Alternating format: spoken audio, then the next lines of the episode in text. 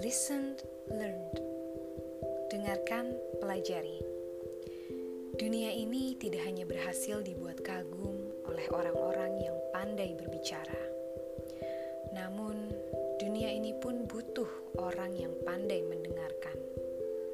Dengan mendengar, kita akan lebih banyak mengambil pelajaran kehidupan.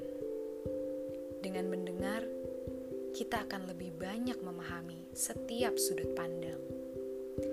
Dengan mendengar pula, kita akan lebih paham makna dari setiap helaan nafas. So, let's just listen and learn by Putri.